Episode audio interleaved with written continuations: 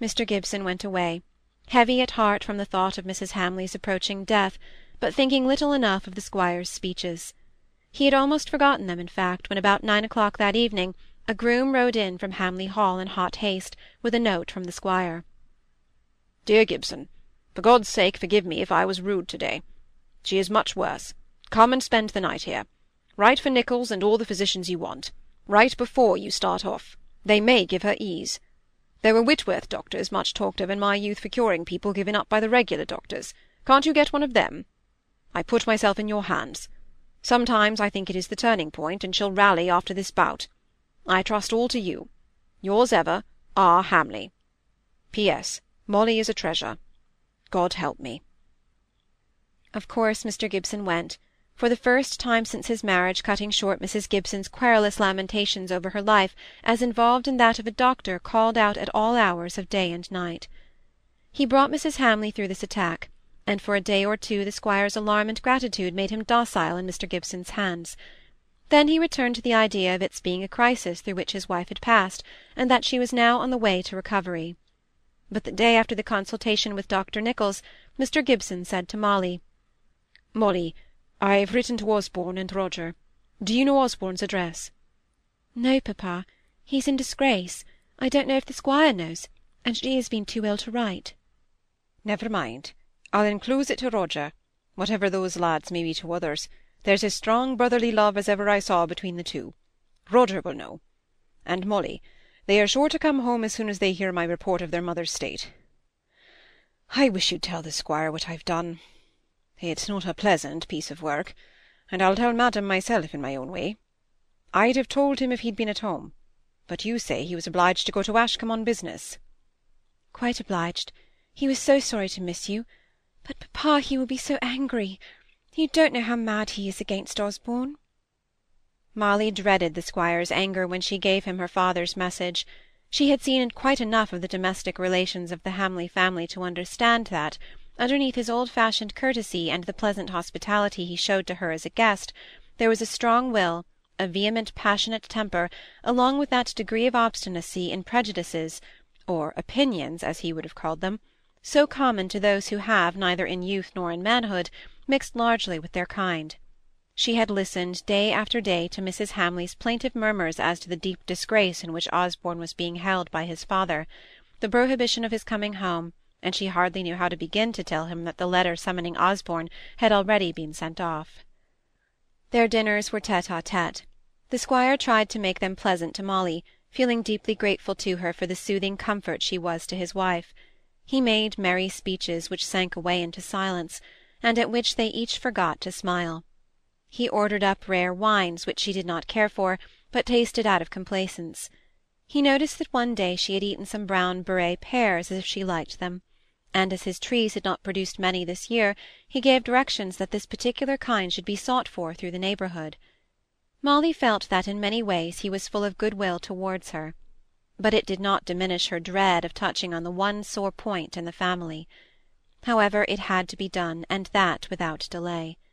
The great log was placed on the after-dinner fire, the hearth swept up, the ponderous candles snuffed, and then the door was shut, and Molly and the squire were left to their dessert. She sat at the side of the table in her old place. That at the head was vacant, yet as no orders had been given to the contrary, the plate and glasses and napkin were always arranged as regularly and methodically as if Mrs. Hamley would come in as usual. Indeed, sometimes when the door by which she used to enter was opened by any chance, Molly caught herself looking round as if she expected to see the tall languid figure in the elegant draperies of rich silk and soft lace which Mrs. Hamley was wont to wear of an evening. This evening it struck her as a new thought of pain that into that room she would come no more. She had fixed to give her father's message at this very point of time, but something in her throat choked her, and she hardly knew how to govern her voice.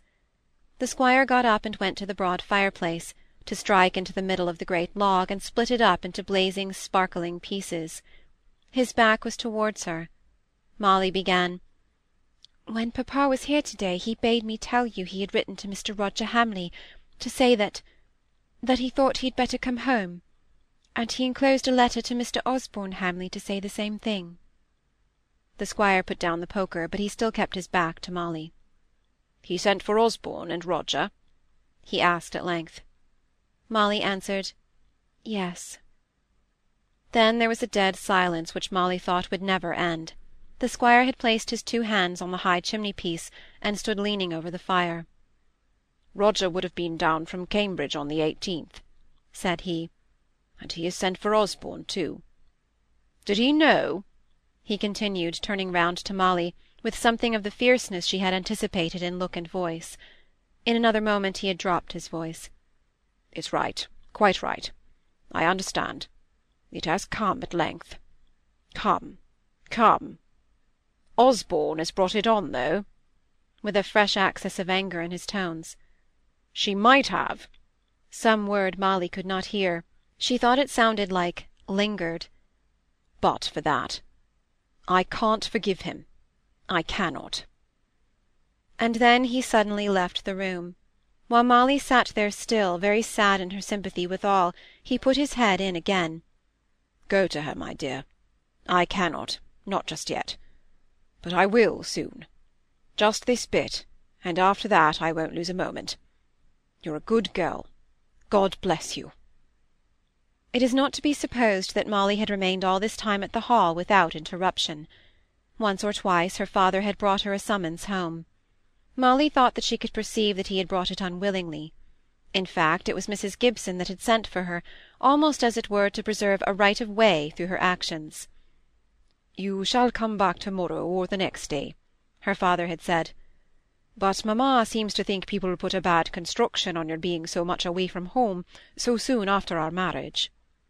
Oh, papa, I'm afraid Mrs. Hamley will miss me. I do so like being with her. I don't think it is likely she will miss you as much as she would have done a month or two ago. She sleeps so much now that she is scarcely conscious of the lapse of time. I'll see that you come back here again in a day or two. So out of the silence and the soft melancholy of the hall Molly returned to the all-pervading element of chatter and gossip at Hollingford. Mrs. Gibson received her kindly enough.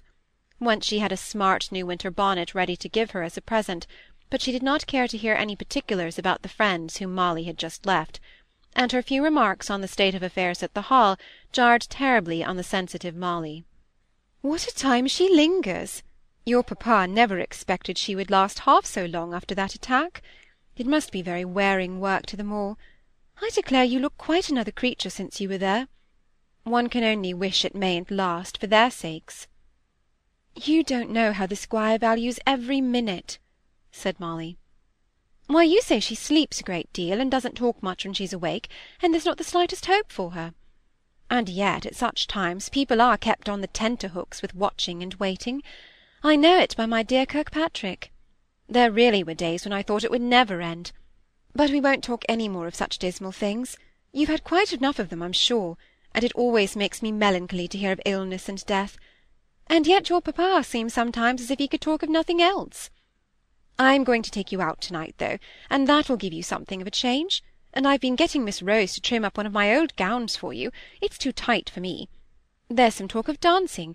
It's at Mrs. Edwards. Oh, mamma, I can't go, cried Molly. I've been so much with her, and she may be suffering so, or even dying, and I to be dancing. Nonsense! You're no relation, so you need not feel it so much. I wouldn't urge you if she was likely to know about it and be hurt. But as it is, it's all fixed that you are to go, and don't let us have any nonsense about it.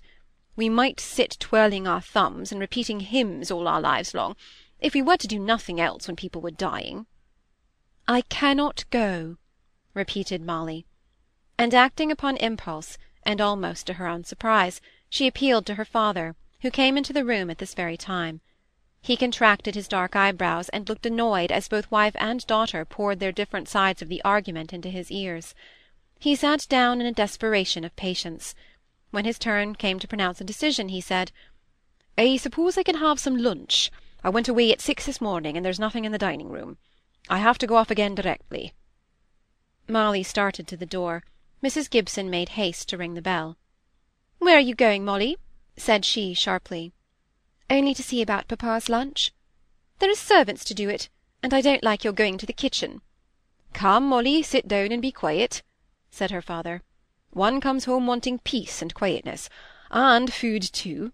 If I am to be appealed to, to which I beg I may not be another time, I settle that Molly stops at home this evening. I shall come back late, and be tired.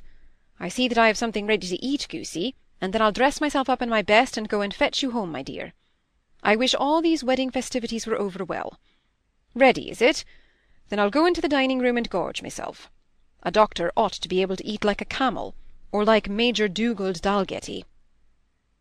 It was well for Molly that callers came in just at this time, for Mrs. Gibson was extremely annoyed. They told her some little local piece of news, however, which filled up her mind and Molly found that, if she only expressed wonder enough at the engagement they had both heard of from the departed callers, the previous discussion as to her accompanying her stepmother or not might be entirely passed over. Not entirely, though, for the next morning she had to listen to a very brilliantly touched-up account of the dance and the gaiety which she had missed, and also to be told that Mrs. Gibson had changed her mind about giving her the gown, and thought now that she should reserve it for Cynthia, if only it was long enough; but Cynthia was so tall quite overgrown, in fact. The chances seemed equally balanced as to whether Molly might not have the gown after all.